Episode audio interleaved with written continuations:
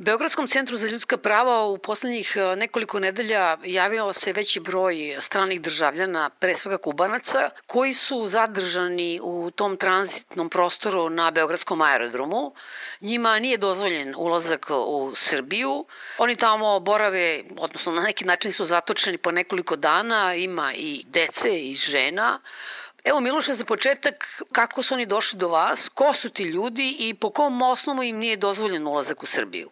Kako su došli do nas, to je nekoliko različitih načina.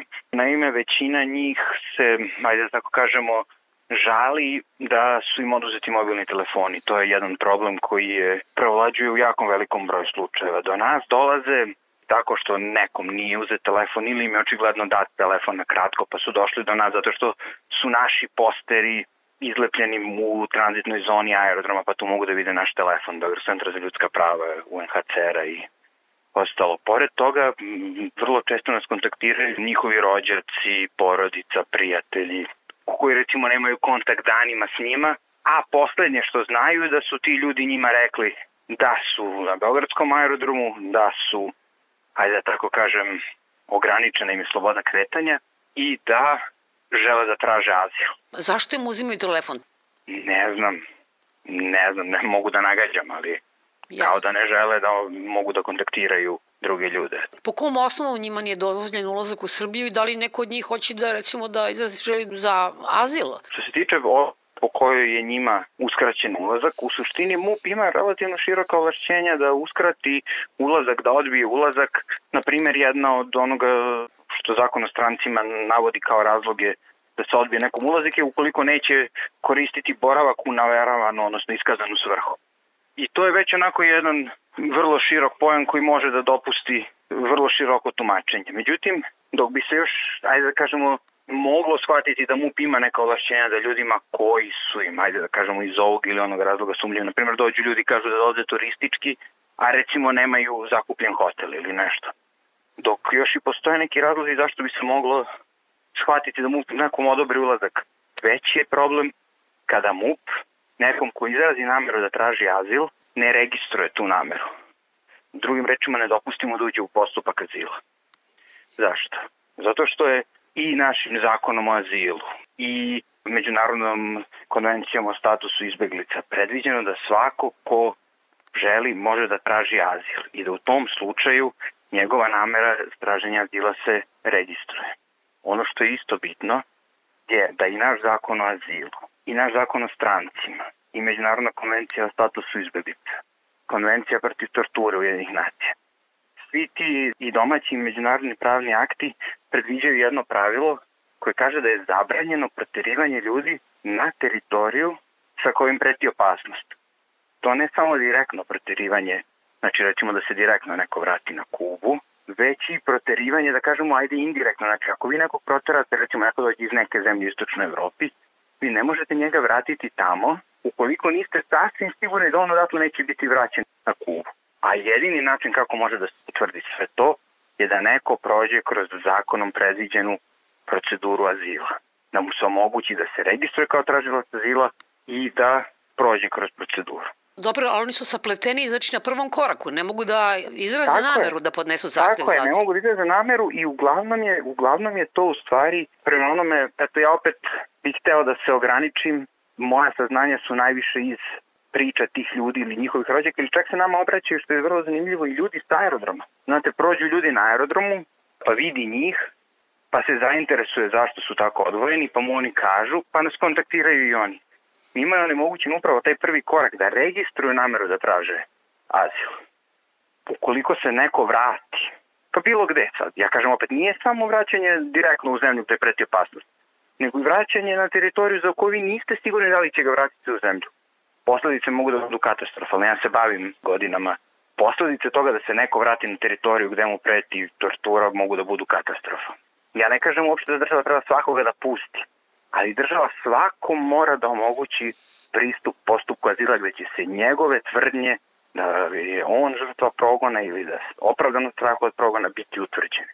Pominjemo ovde nekoliko puta građane Kube, mada nisu samo oni, državljani Kube. Pa nisu samo oni, imali smo državljane Burundija, državljani Kube su u poslednje vreme najviše došli. Ovaj, dolazi državljani Burundi, imali smo i neke druge državljane i ima zaista ove godine čini mi se oko 50 ljudi izradilo nameru na aerodromu Znači da su neki ljudi propušteni, dozvoljeno im da registruju svoju nameru od strane MUPA na aerodromu i bez naše intervencije, ali eto od sad od kad je krenula ta malo veći talas, a malo veći talas znači desetine, ne stotine ili hiljade ljudi da. sa Kube, izgleda da je od sad nešto tu Dobro, sad je to moje tumačenje, naravno. To je nesvrstana Kuba ili već njihov predstavnik je dolazio ovde, pa sad nije zgodno sada neki kubanski državljani traže azil, a znamo, pratili smo vesti da je letos e, bilo mrtvih i hapšenih e, protestanata na Kubi. Ali dobro, kažem još jednom, to je moje tumačenje koje ne mora da bude tačno. I sada recite mi, molim vas Miloše, da li ste se obraćali Ministarstvu unutrašnjih poslova, da li oni bilo šta obrazlažu? Jesmo, zaista jeste. Znate kako, ima dva dela tog pitanja. Mi smo intervenisali i zaista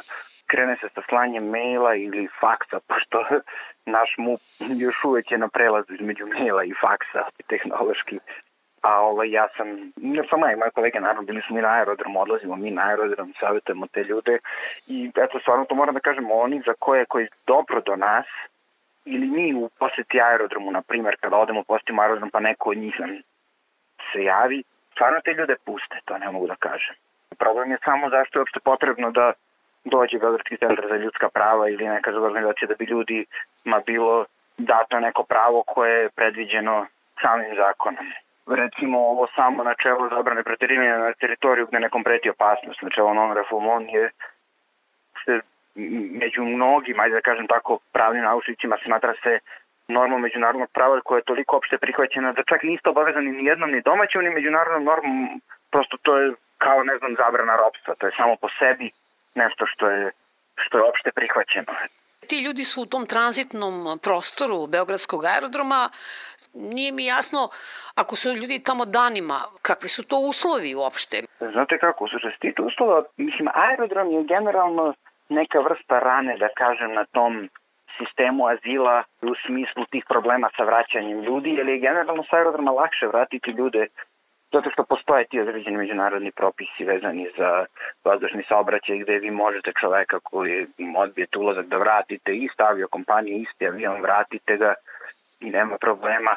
Kao da je malo lakše vratiti ljude sa aerodroma nego, na primer, sa granice, ali ono što je zanimljivo što se tiče uslova da je bilo već nekoliko izveštaja, to je recimo u Evropske komisije za 2020 o napretku Srbije se govori o tome, uglavnom se govori o tome da aerodrom ne ispunjava uslove za duži boravak. Znate, ljudima ako, ih vra, ako rešite da ih vratite, oni se vraćaju istom aviokompanijom, obaveze ista aviokompanija koji ih je da ih vrati, oni vrlo često čekaju i po nekoliko dana na avion te iste aviokompanije. I upravo se pre svega ističe da su uslovi neuslovni u smislu višednevnog boravka, pa onda ste imali i specijalni izvestilac UN za torturu koji isto rekao da uslovi nisu dobri za višednevni boravak, pa ste imali na kraju izveštaj našeg nacionalnog mehanizma za prevenciju torture zaštitnika građana iz 2020. koji isto kaže i koliko znam ima u tom izveštaju nekih slika da uslovi nisu za višednevni boravak.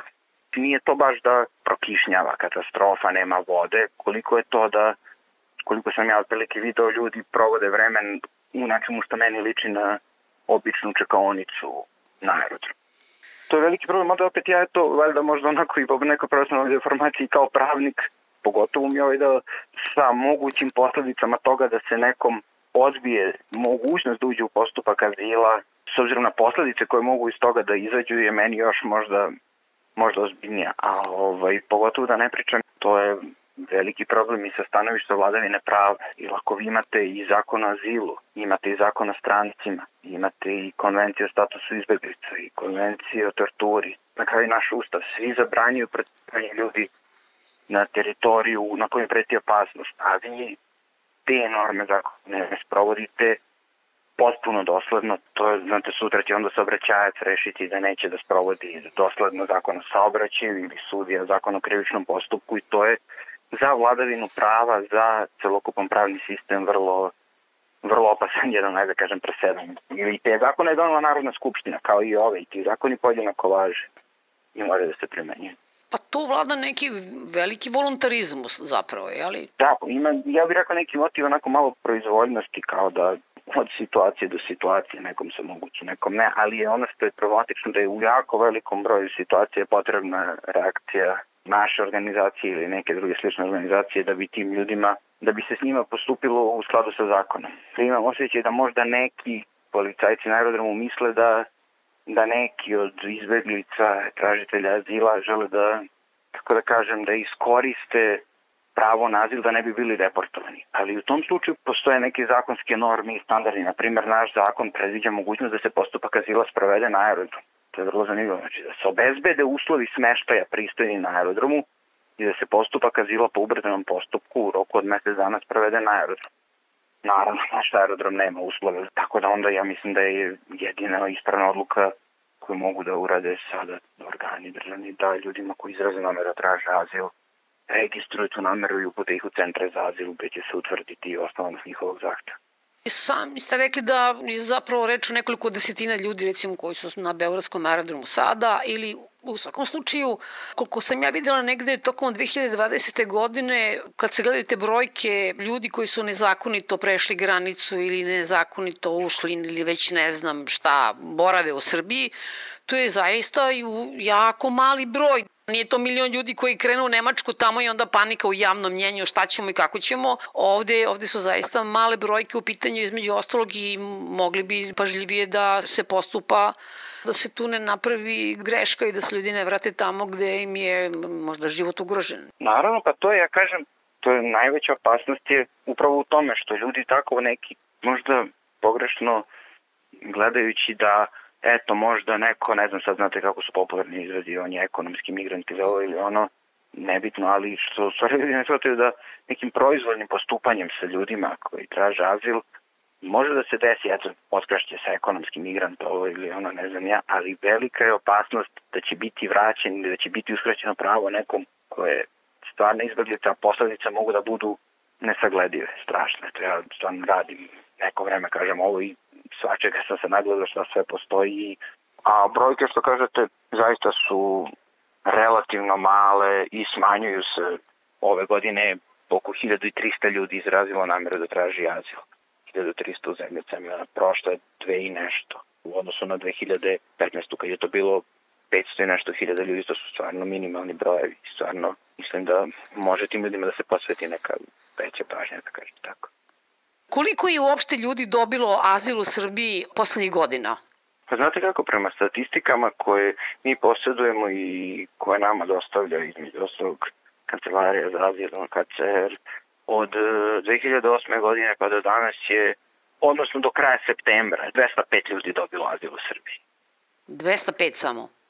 Samo 205, tako da to je malo ovako, ja i kad ističem ljudima koji eto ne znaju, koji su možda čuli neke priče na internetu, prosto deluje im ovaj neverovatna cifra da je samo 200, 205 ljudi dobilo azil, da to nisu nikakvi neki ogromni broje. Biluše, hvala puno na razgovoru.